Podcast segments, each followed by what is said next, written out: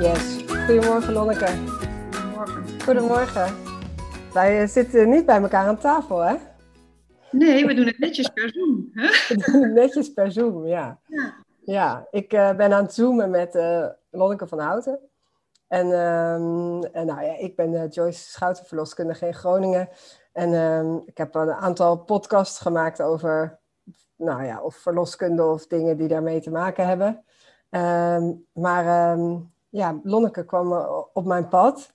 Ehm, en ik wil jou heel graag horen over jou, eh, het boek wat je geschreven hebt en je, en je, je missie noemde je het net al even. Eh, dus ehm, ja, fijn dat je, dat je aanschuift, Lonneke. Heel leuk. Leuk, dank voor de uitnodiging. Ja, tuurlijk. Hey, en zou jij eerst nog even wat over jezelf willen vertellen? Je, jezelf introduceren? Ja, is goed. Ik ben eh, eh, van origine ben ik verloskundige, maar ik ben al een, eh, een aantal jaren niet meer in de praktijk werkzaam. Dus ik ben eigenlijk op een gegeven moment erachter gekomen dat de begeleiding mijn grootste aandacht nam. En ja, eigenlijk werd dat zo groot dat ik op een gegeven moment dacht, ja, ik heb tijd tekort als ik dit vak blijf beoefenen. Bovendien ben ik heel erg ziek geworden een aantal jaren geleden. En ook naar aanleiding daarvan, ja, dat zijn altijd van die mooie punten in je leven waarop je dan beslist, hé, hey, het moet anders. Eh, Ja. ik, ik moest ophouden met s'nachts werken bijvoorbeeld. En ineens dacht ik, ja, dan is nu het moment om die andere dingen te gaan doen waar ik al zoveel jaren tijd tekort in ervaar. Ja, Ja, dat is wat ik eh, ben gaan doen toen. En dat is inmiddels ook alweer 7, 8 jaar geleden. En toen ben ik me gaan verdiepen in, eh, in begeleiding van alles gaan studeren en, en gaan doen. En ik was al een heel aantal jaren daarmee bezig. En ehm, ja, inmiddels eh, ben ik daar eh, eigenlijk vooral mee bezig. Ja, begeleiden van mensen. Niet alleen in de geboortezorg hoor, ook eh, het begeleiden van mensen die vastlopen in het leven. Ja, hey, en ehm, eh, want het boek wat je hebt geschreven heet het, het Hechtingsplan. Ehm, en dat gaat wel, he- dat is ook wel echt, ook voor de geboortezorg, want dat gaat volgens mij echt over moeder en vader en kind. Hè? Het, gaat, Eh, ja, het is wel leuk dat je het zegt. Eh, het is inderdaad vanuit die insteek geschreven, maar toch is het een boek wat gaat over mensenlevens. Het is best wel goed om dat even hier te noemen, omdat inderdaad eh, het mensenleven start natuurlijk daar in het begin waar het kind bij de ouders landt en, en vervolgens zijn reis start. mhm. En toch merk ik inmiddels, ook al is de insteek de geboortezorg, dat ontzettend veel mensen het lezen die eigenlijk niks met de geboortezorg te maken hebben. Nee, Dus, Dus- dat, die groep die, die wordt steeds groter. Ja. Ja, dus het, het geboren worden is gewoon onderdeel van eh, het leven, namelijk dat je, dat je arriveert. Ja, je arriveert en vervolgens, je arriveert eigenlijk vrij blanco, eigenlijk heel prettig. Eh, En Mhm. dan begint, eh, zoals ik maar zeg, het vullen van je harde schijf met informatie. Ja, En al die informatie die heeft allerlei eh, kenmerken die heel vaak heel verwarrend zijn. En ja, de- allereerste informatie die je krijgt en is hoe veilig ben ik bij deze papa en mama? Horen ze mij, zien ze mij, voelen ze mij, reageren ze op mij? Hè, daar, daar begint de harde schijf zich al te vullen met informatie over hoe de werkelijkheid er mogelijk in elkaar zit. en begint het eigenlijk niet ook al een beetje in de buik? Of is Ja. dat... Nou, sterker nog, het zou wel eens kunnen dat het al voor de conceptie begint. Ja, Maar dat is een, eh, zeker, daar heb ik het ook wel een stukje over. Ja. Maar dat is, eh, de insteek is inderdaad, het begint al vanaf het moment dat eigenlijk het kind gewenst is bij de ouders. Of misschien nog niet eens gewenst is, maar wel al in aantocht is. Ja. Ja, Ja. klopt. En dan eh, is het, ook- gaat het natuurlijk over. Natuurlijk kan je in de zwangerschap ook hele concrete dingen doen. Maar vanaf dat de baby daadwerkelijk geboren is en in je, eh, in je armen ligt. eh, wat, ja, wat kan je wel of niet doen? Wat, en dan is het, gaat het natuurlijk misschien om nog concretere dingen. Of in ieder geval veel meer en veel grotere dingen dan, dan dat je tijdens de zwangerschap beter niet kan roken. Zeg maar. Ja, precies. Het is eigenlijk, eh, kijk, het, het doel van het boek is bewustwording. En eigenlijk bewustwording van iets veel groters, namelijk eh, ja, wat het, hoe groot het eigenlijk is wat je aangaat. En, en hoe leuk het is om met je partner samen te gaan kijken naar wie zijn we eigenlijk? Vanuit welk fundament zijn we zelf eigenlijk nu een kind aan het krijgen, ontvangen? En, eh, en hoe werkt dat in onze relatie uit? En, dus het doel van het boek is eigenlijk, word je bewust van wie je zelf bent Mhm. Vanuit welk fundament je zelf in het leven staat. Wat zijn je overtuigingen? Hoe ziet jouw eigen hechtingsfundament eruit? En wat heeft dat met je leven gedaan? En dan eens te gaan kijken, hoe wil ik dat eigenlijk voor mijn kind? Wat ik Waarom is dat eh, belangrijk? Nou, omdat we zien in de wereld dat er heel erg veel ellende is, doordat mensen ehm, een, een hechtingsfundament hebben waarin heel veel wankelt. En ehm, ja, wat je daar eigenlijk uh, in ziet, is dat mensen ontzettend veel reageren op het leven vanuit de pijn die ze als hun, in, in hun kindertijd ervaren hebben. daar waar die hechting al als een grondvesten al geslagen heeft, zie je dat mensen reageren met name op emoties, in conflicten, overtuigingen die ze zich hebben uh, aangemeten. En dat is eigenlijk een innerlijke kindreactie. Dus dat is ook hetgeen waar, uh, waar mensen bijvoorbeeld in een relatie zich niet van bewust zijn. 9 van de 10 mensen die in een relatieconflict komen of in een relatiecrisis, uh-huh. komen daarin terecht vanuit hun innerlijke kind. Niet vanuit hun volwassen stuk of vanuit hun innerlijke wijsheid, maar vanuit hun innerlijke kind. En dat is waarom het ook zo ontzettend van levensbelang voelt om die strijd aan te gaan. En als je dat eenmaal snapt, en als je eenmaal ziet hoe zit ik daarin, en dat is ook zo interessant aan, aan bijvoorbeeld aan relatiecoaching, als je mensen elkaar laat zien vanuit welke innerlijke kinderen ze eigenlijk communiceren, dan heb je een enorme winst te behalen. Ja, en dan bedoel je, dan is er winst te behalen met de nieuwe generatie, met, de, met, je, met je eigen kind of met de... Ja. Kijk, het is, het is niet voor niks zo'n puinhoop in de wereld op allerlei fronten. Uh, je kan eigenlijk, eh, elke persoon kan je, kijk naar een Donald Trump bijvoorbeeld. Donald Trump heeft een achtergrond, bij, die is opgegroeid bij een hele dominante vader. Uh-huh. En heeft daardoor een ontzettende narcistische persoonlijkheid ontwikkeld. En daar regeert hij, heeft hij de wereld mee geregeerd en, en uh-huh. de wereld ziek meegemaakt. Ja, maar er zijn, er zijn ook wel miljoenen Amerikanen die dat heel. Uh, ja, en die dat ook heel. Uh, die voor dat... gekozen hebben. Ja, nee, absoluut. Hè? Maar het is wel ook, ook zo dat. Uh, ja, als je, als je goed om je heen kijkt, dan is macht en, en allerlei ego-structuren zijn heel heersend in ons bestaan. Ja. ja. En dat ego vormt zich vanuit een fundament en daarin is die hechtingsrelatie met die ouders echt van wezenlijk belang. Ja, Hey, en je, je, je, boek heet Het Hechtingsplan. Ehm, wat is dat? Want je uh, schrijft ook natuurlijk, ik denk dat heel veel mensen het geboorteplan kennen, daar schrijf je ook over. Um, maar jij uh, trekt hem eigenlijk een beetje door, volgens mij. Hè? Kan jij, ja. kan jij uh, dat uitleggen, wat het hechtingsplan is? Ja, nou, ik vond het geboorteplan is natuurlijk een fantastische ontwikkeling, want daarmee heb je vrouwen in ieder geval enorm de ruimte gegeven om zich te laten horen. En, en wat hebben ze nodig? Uh, waar, ja. hebben ze, uh, en, daar hebben we ook in de geboortezorg nog super veel winst te behalen, vind ik. Dat is echt nog. Ja, zeker. Vind ik ook. Heel erg in ontwikkeling komen verder. Maar ik miste daar altijd eigenlijk het stukje van uh, degene die geboren wordt in. Dus, ja. dus je bedoelt, bij het geboorteplan wordt er een plan gemaakt voor hoe de vrouw het beste baart op haar manier. Zeg maar, hè? daar wordt naar gekeken. Maar hoe de, hoe de, hoe de baby uh, wordt geboren, daar, daar, daar gaat het eigenlijk niet over, bedoel je? Nee, nou daar gaat het niet zo over. En uh, het is ook heel leuk als je met mensen werkt met een geboorteplan, om dan aan het eind van zo'n gesprek te vragen: Oké, nu hebben we dat allemaal voor jou op een rij gezet en dat is super waardevol. En hoe wil je het voor je kind? Hè, wat ja. zijn je wensen voor hoe jouw kind ter wereld komt? Of in ieder geval, welke randvoorwaarden zou jij daarvoor willen scheppen? Ja, en toch voelt dat ook een beetje als een retorische vraag. Want ik kan me voorstellen uh, dat als je een heel mooi plan hebt, en een geboorteplan, en je bent bezig met, oké, ik heb dat plan, maak ik uh, omdat ik dan denk dat ik zo mm, goed mogelijk kan bevallen. Dat doe ik om te zorgen dat ik een gezonde en een goede start heb, een gezonde baby en een goede start daarvan of zo. Dat voelt bijna toch ook een beetje als een, als een logische...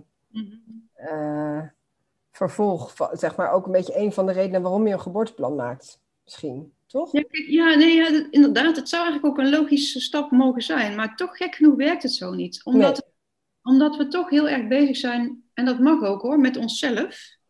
En uh, hetgeen we zelf nodig hebben. En het is juist heel interessant. Um, laten we zeggen, het is niet voor niks uh, dat er uh, gezegd wordt: als je, als je jezelf wil helen, ga dan goed doen voor de wereld. -huh als je, uh, als je uh, jezelf in ontwikkeling wil brengen, ga dan eens kijken wat je kan bijdragen aan deze wereld. Dus de focus ook even van jezelf afhalen en te gaan kijken, ja. oké, als ik daarin mezelf koester, hoe kan ik daar ook het kind wat ik ga krijgen daarin koesteren? En dan ga je een vorm van bewustzijn aan met je partner door daarover na te denken, waarbij je gelijk al die stap maakt naar die volgende positie, namelijk die grote transformatie van meisje wat je was naar die moeder, die, Mhm.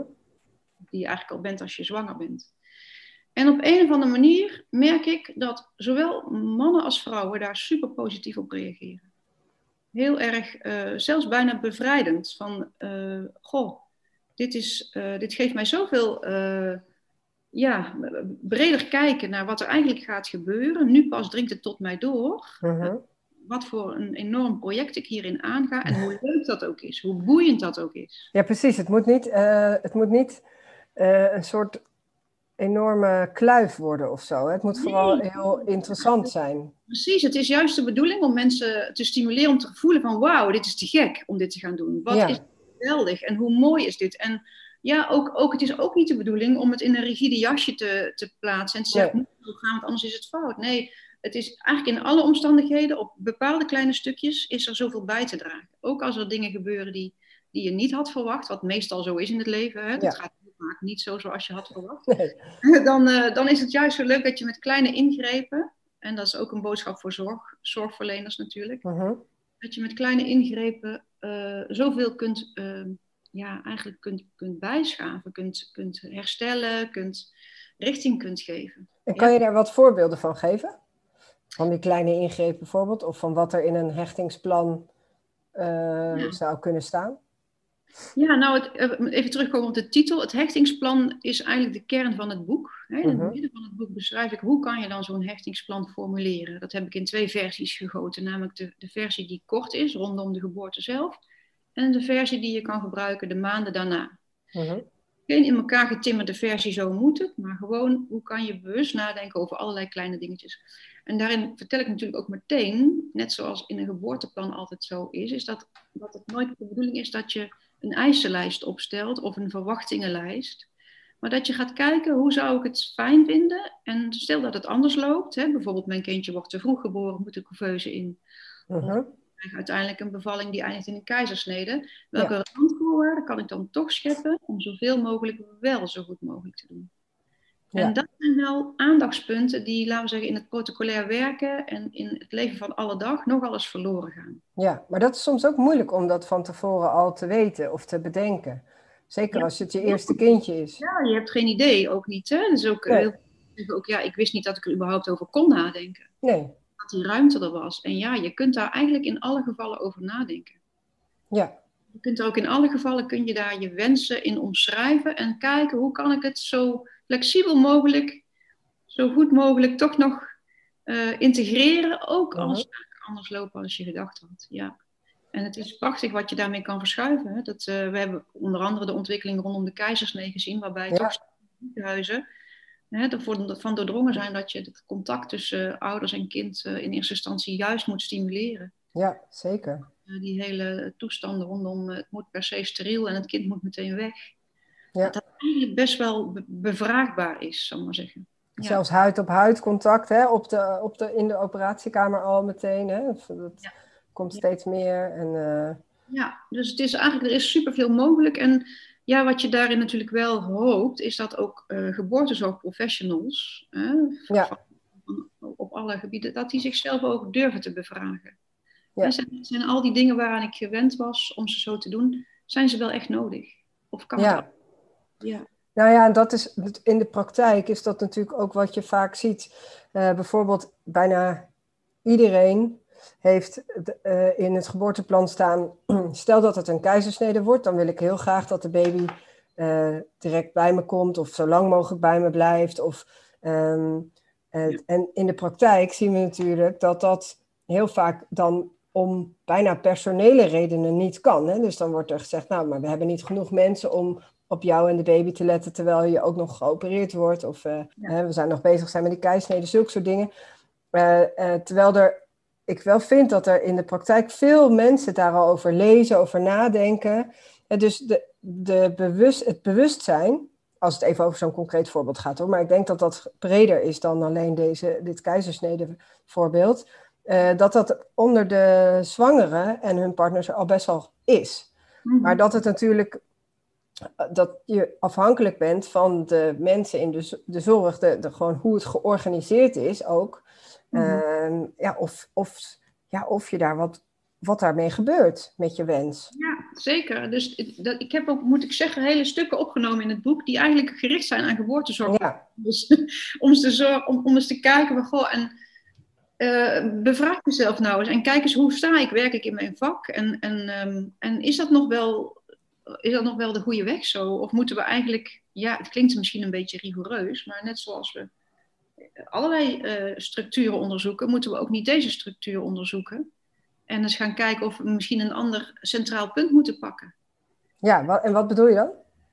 Nou, dat we bijvoorbeeld uh, uh, eens wat meer gaan letten op onze attitude op het gebied van hechting bevorderend handelen. -huh. In plaats van dat we per se allerlei protocollen afwerken, daarop gericht zijn, in de drukte opgaan. Wel heel begrijpelijk. Ik, bedoel, ik weet het, ik ben zelf ook ja. werkzaam. Hè? Dus het is heel verleidelijk om, om uh, je zaakjes af te werken en, en lekker door te gaan en gestructureerd af te vinken je lijstjes. En toch um, zijn ouders en kind veel meer gebaat bij rust en bij begrenzing en bij vertraging en ja. bij, bij uh, heel bewust aanwezig zijn. Ja. regie, hè? En, ja, goed, heb je wat, wat voor de moeder met name heel belangrijk is, hè, wat in het geboorteplan natuurlijk super belangrijk is. Maar ook inderdaad het gevoel, dit is mijn kind, ja. wat geboren wordt. En al die anderen zijn er alleen maar om dat te faciliteren in alle rust die daar mogelijk is. Ja. Ja. Nou ja. Ja, en uh, het, lastige is natuurlijk ook dat het zo slecht meetbaar is hechting. Of uh, tenminste, als er de, de, de ontwikkeling van uh, wetenschap en uh, de, het academische. en vooral, kijk, in de verloskunde is natuurlijk heel lang niet heel veel onderzocht. Nu natuurlijk al heel lang wel. Maar deden we vooral dingen omdat we dat al jaren zo deden. En nu komt er steeds meer onderbouwing voor allerlei protocollen en beleids.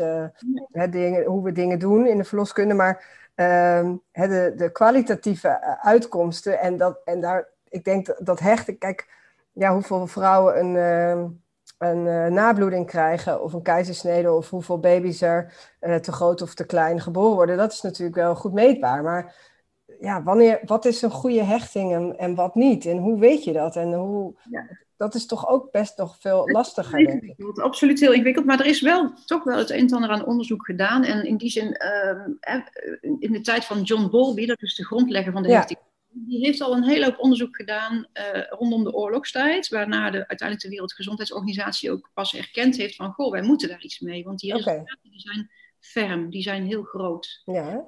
Dus, uh, en dat, dat waren dan eigenlijk al, al ja, meetinstrumenten die gericht waren op de eerste jaren nadat die kinderen gescheiden waren van hun ouders. Uh -huh. en, maar je kunt, ja, we hebben daar nog zoveel uh, winst in te behalen. Ik denk, we hebben allerlei projecten lopen, de eerste duizend dagen en, en ja uh, veilig zwanger zijn en uh, ja, kansrijke start en al dat soort dingen. Mhm. Maar er gaat ook steeds meer aandacht wel naartoe hoor. Dus het is niet dat ik maar ik kan me zo voor, ik kan, ik kan zo goed voor mijn gevoel zo goed reconstrueren waarom het zo is gegaan als het, waarom het nu zo is als het is. Nou ja, het is natuurlijk psychologie en het hele, het hele psychische welzijn heeft natuurlijk zo in de afgelopen twintig jaar enorm aan terrein gewonnen. Daarvoor was het überhaupt niet in vraag. Als je je voorstelt dat tot in de jaren, eind jaren 60 werden baby's nog, nog geopereerd zonder narcose, omdat ze dachten dat ze geen zenuwstelsel en geen herinneringen hadden. Ja, ja. Dat is, dat is echt waar. Ja, en ongelooflijk. Heeft in het begin jaren zeventig heeft dat geduurd. Ja. En ook volwassenen van jou en mijn leeftijd, die hebben allemaal nog, als ze ooit in een ziekenhuis opgenomen werden, alleen gelegen. En nu weten we dat je ouders bij de kinderen moet laten, omdat dat een hele onveilige, traumatische situatie is. Ja. Toch zijn dat allemaal zaken die, die er nog niet zo lang zijn hoor. Nee. Nou ja, het is ook nog niet uh, super lang geleden dat je op de kraamafdeling. Uh, en ja. zie je nog steeds s'nachts een baby op de kraamafdeling bij de. Achter glas kun je vroeger kijken naar de kraamafdeling. En dan zijn al die bedjes op een rij. En dan moest je allemaal. een raampje kloppen. En dan hield de zuster zo'n baby omhoog. Die kon je dan bezichtigen. Oh ja, we lachen erom. Maar het is natuurlijk. Het is echt ja, waar. Ja, ja, ja. Kan ik dan. Klopt het dan dat, dat jij dat eh, groot gedeelte van uh, de winst hem toch ook wel bij de, uh, de, de, mensen die in de zorg werken misschien te behalen valt? Ja, ik zeker. Ik denk zeker dat daar ook in hun attitude, communicatie en bewustzijn mag daar nog heel veel gebeuren. Ja. Dus ja, het is inderdaad een. Het, nog het doel is bewustzijn verhogen, maar niet alleen onder aanstaande ouders, maar eigenlijk ook heel erg, maar überhaupt binnen de zorg. Hè. Dat is natuurlijk, we hebben het nu over geboorte. Ja. Maar, maar, je mag het doortrekken naar allerlei vormen van, uh, van crisis in een mensenleven. En daar hoort sterven en ziek zijn ook bij. Hè? Ja, ja. Daarin is een, een veilig fundament is, van, van levensbelang.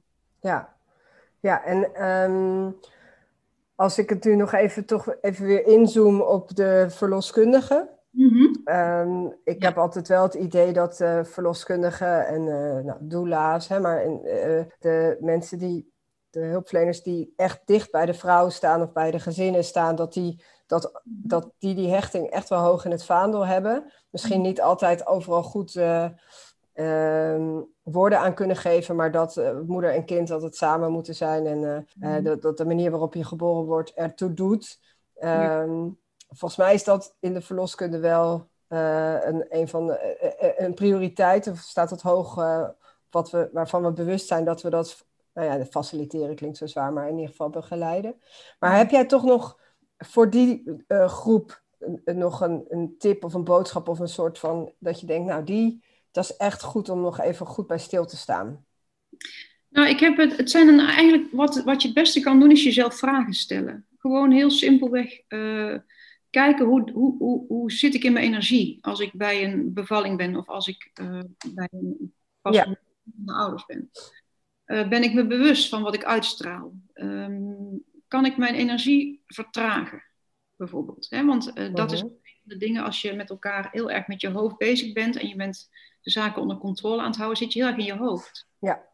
Wat interessant is juist om te kijken of je, uh, je je energie kunt vertragen en helemaal kunt intunen op dat wat er op dat moment daar mag gebeuren tussen die ouders en dat kind. Dat betekent dat je eigenlijk, ja, dat is een heel andere focus dan waar je voorheen altijd op, op, op aan gewend was. Ja, en hoe je wordt opgeleid, hè? Je wordt opgeleid, je wordt super rationeel, uh, wordt je opgeleid. Ja.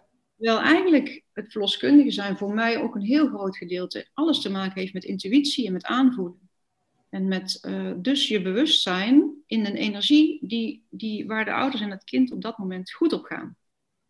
Hè, dus ja, dat betekent ook uh, dat, ja, dat je jezelf vragen mag stellen van, goh, hoe doe ik dat? En ja, dat is dan misschien, klinkt dan misschien weer een beetje gek, maar ergens is dat ook jezelf bevragen, zit ik, zit ik niet te veel vanuit mijn ego in dit vak? Ja. Ben ik ben ik genoeg vanuit mijn hart aan het werken. En dat klinkt misschien zweverig, maar eigenlijk is het dat totaal niet. Omdat het. Nee, nee. Omdat het. Um, kijk, het is niet zo'n kunst om een vak te leren als verloskunde. Hè? Dan ga je een paar jaar studeren en je leert het allemaal en al die ja. leer jij. Maar het is wel een, een, een ontwikkeling met jezelf aangaan om daar vanuit een bepaald bewustzijn in aanwezig te zijn. En, en voor jezelf een visie te ontwikkelen over hoe wil ik omgaan met ouders en een baby, met een proces zoals geboorte. Uh, welke dingen vind ik daarin belangrijk? Wat is, wat is hetgeen ik daarmee op lange termijn wil bereiken? Hoe wil ik dat ouders en dat kind zich die geboorte herinneren? Bewust en onbewust. Ja. Hè, dus ja, het, het daagt je uit tot, uh, tot zelfonderzoek. Ja. Wat, dat, het, is, het klinkt een beetje als een stomme vraag, maar en wat hebben de ouders en de baby daaraan? Dat ik, dat ik bedenk, zit ik hier voor mijn ego of niet? Even kort door de bocht hoor. kort door de bocht. Nee, maar de, jezelf bevragen zoals jij nu uh, uh, tipt. Wat, uh, wat, wat hebben zij daaraan? Even. Je hoeft dat natuurlijk niet op dat moment, maar het is... Nee, nee, nee, in het algemeen. Om het dus te lezen, om die vragen ja. op een rij te zetten. En eens te kijken, goh, wat is daar voor mij mezelf nog aan winst te behalen? En bijvoorbeeld, ik noem een voorbeeld over mezelf. Toen ik net afgestudeerd verloskundige was, had ik nog veel angst vond het nog heel spannend. Ik was me nog heel erg bewust van de verantwoordelijkheid. Uh, ja, daar blijf je je van bewust. Maar het, het levert mij soms nog zoveel spanning op om dat allemaal uh, tot een goed einde te brengen, dat meestal het proces uh, in goede kannen en kruiken krijgen, prioriteit kreeg boven hetgeen eigenlijk voor die ouders daar gebeurde. Ja. En pas later, in de loop van die jaren, ontwikkelde ik daar een attitude in, waar de ouders werkelijk een echte rust bij hebben ervaren. En dat wil niet zeggen dat je het dan in het begin slecht doet, helemaal niet. Maar het betekent wel dat je een rijkere hulpverlener wordt als je uh daarin jezelf leert kennen. Ja. En dat het zelfs zo is dat als je spanning ervaart, dat je dan nog steeds in je energie uh, kunt focussen op iets wat echt van belang is. Maar dat heeft ook te maken met dat je ziet wat prioriteit heeft. Hè? Ja. Kijk, natuurlijk is het zo dat op het moment dat een baby geboren wordt en die ademt niet, dan moeten we eerst zorgen dat hij gaat ademen. Ja. Ik bedoel, begrijp me niet verkeerd, dat snap ik ook wel. En dat Ja. snappen ouders ook wel. Ja. Maar goed, het is wel van belang, hoe ga je op dat moment met die ouders om en hoe ga je daarna eh, vervolgens het contact tussen ouders en kind herstellen. Hoe bewust doe je dat dan? En, en daar, mag, eh, daar mag men nog veel meer in ontwaken, werkelijk in ontwaken. Ja. We zijn wat dat betreft in de geboortezorg in Nederland, we zijn super goed in het eh, behalen van goede cijfers. Maar daar mogen we echt nog in groeien. En dat geldt Ja. ook voor de, voor de gynaecologen die misschien minder aan het bed zitten. En meer, min, ja, maar, maar dat is ook precies waarom ook de doula zo in opkomst Ja. is. Dit is wat, wat ouders nodig hebben. Ja. En dat begrijp ik heel goed. Ja, ja en de doula die, die, eh, ja, die, die, facilite- die komt natuurlijk iets anders brengen dan een gynaecoloog. Ja, Wat en eh, daarmee ook mee te maken heeft, denk ik. dat heeft met dit stuk te maken. Ja, zeker. En, en, eh, en hopelijk ook als een doula daarin genoeg meekrijgt in opleiding en in, in allerlei ervaringen van anderen, zal ze ook in die energie in zichzelf voelen dat dat is wat van belang is. Ja. Natuurlijk is dat makkelijker als jij niet die verantwoordelijkheid hebt van A tot Z. Hè? Mhm. Dan kan je ook focussen. Ja, precies. Ik denk toch dat het in alle gevallen voor elke verpleegkundige, voor elke verloskundige en elke arts die aan een bed komt bij, bij, bij het proces van een geboorte, echt prioriteit zou moeten hebben om te voelen hoe ga ik om met die vrouw, die partner en dat kind. En doe ik dat op een goede, bewuste, zachte manier. Ook Ja. als het spannend wordt. Ja, Ja, voor mij is dat echt eh, de toekomst. ja. Ja.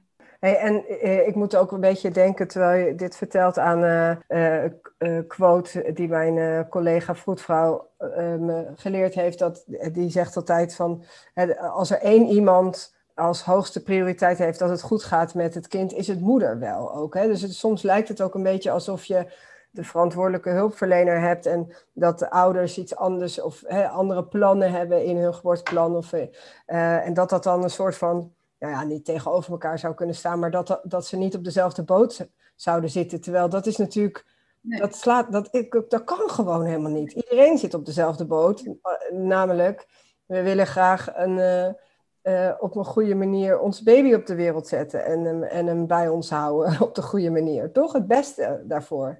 Dus, Nou, en het mooie is ook, ik heb ook gemerkt dat het echt heel goed mogelijk is. Want kijk, voor, voor mannen is dat toch, zolang een kind er niet is, is best Ja, lastig. ja. En toch als ik met ze ga werken aan dit stuk, en ik doe heel veel ook aan voorbereiding hierin, Mhm. dan zie je dat mannen ook ineens aan, aan boord van dat schip getrokken worden. ja, precies. Ja, Ineens gaan die voelen, hé, hey, ik, heb hier, ik heb hier wel degelijk iets bij, bij te dragen. Dit is wat ik, waar ik me over kan buigen. Ik kan hier de manager worden van dit proces. ja precies. Ik Ja. kan zorgen dat ik, eh, dat ik daarin mijn vrouw en kind bescherm en, en draag ook. Ja, Het proces zich zo goed mogelijk kan voltrekken. En dat doet ze goed. Echt waar. Ja. Ik, de meest eh, ja, onverschillige stoere mannen op zo'n avond binnenkomen en aan het eind naar me toe komen en zeggen: Jeetje, eh, ik besef nu pas wat ik eigenlijk kan gaan doen. ja, hier heb ik wat aan. Hier heb ik Eh, wat aan. Ik ja. mijn zaak niet was. Ja, maar dat Ja, zo, zo wordt het natuurlijk ook een beetje, nou ja, geframed, maar eh, eh, ook wel een beetje mannen onder elkaar soms, voor mijn gevoel, dat ze zeggen, nou, eh, als de baby er, hè, tijdens de bevalling en in de zwangerschap, nou, laat ik haar ding doen. En, dan, ehm, en het is ook lastig, ook voor zwangeren zelf, om je voor te stellen dat er straks een baby is. dat blijft ook heel Het is ook heel abstract. onwezenlijk. Ja, Ja. Je moet, dat, is, dat klopt ook. Een buik is een buik, een kind is een kind. Ja, precies. Ja. Maar goed, wat ook zo mooi is, wat ik, wat ik zelf heel, wat ik bijvoorbeeld gezien heb bij het sterven van mijn moeder, dat is dus heel vergelijkbaar bij een bevalling, wat ik ervaren heb, al die honderden keren dat je daarbij aanwezig bent, is dat als je zo diep gaat in een, in een, in een proces, een echt een heel essentieel proces, Mhm. eh, met onder andere ook wat je meemaakt, maar ook pijn hebt, emoties, dan staan al je, eh, al je poriën staan open. Dus het lijkt wel alsof vrouwen eh, bijna een soort openliggend zenuwstelsel hebben. Dat heeft ook zijn functie, want dat betekent dat je ook meer dan ooit ontvankelijk bent voor intiem contact. Ja. Hè? Ook je hormonen, je oxytocine. Maar tegelijkertijd is het ook zo dat dat ook eh, maakt dat je zo ontvankelijk bent voor die belevenis op dat moment. Ja.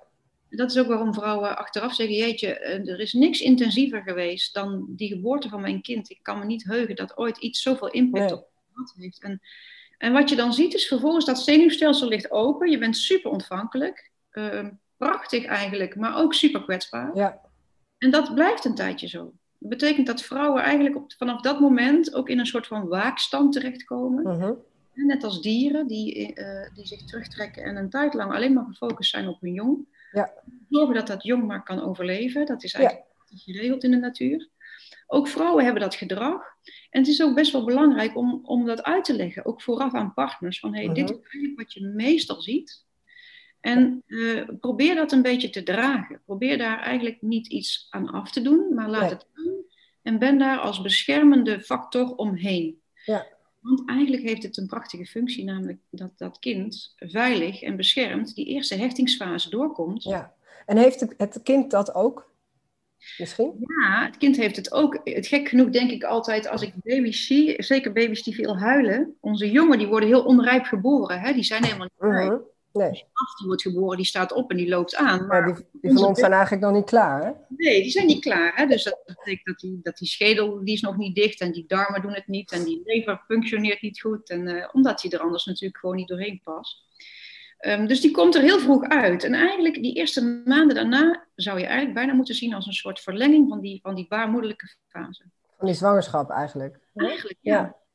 Waardoor je eh, gewoon dat kind door die eerste fase van onrijpheid, waarin die super moet wennen aan al dat ongemak en al die pijntjes en Ja. kou alles wat hij niet had in die baarmoeder, allemaal aan moet wennen. En het enige wat je kan doen, is daar als, als ouders, en ja, in het begin misschien meer de moeder, dat alleen maar faciliteren, dragen, er Ja. comfort voor geven en re- reageren, respons geven op de signalen die het kind geeft. En daardoor leert hij, ik doe ertoe. Ik besta, ik ben hier en er is iemand die voor mij zorgt, er is liefde. Ik ben veilig. Hè? Ik ben veilig. En dat geeft een basisvertrouwen, een oervertrouwen. Nou, ik kan je zeggen, daar heb je de rest van je leven heb je daar profijt van.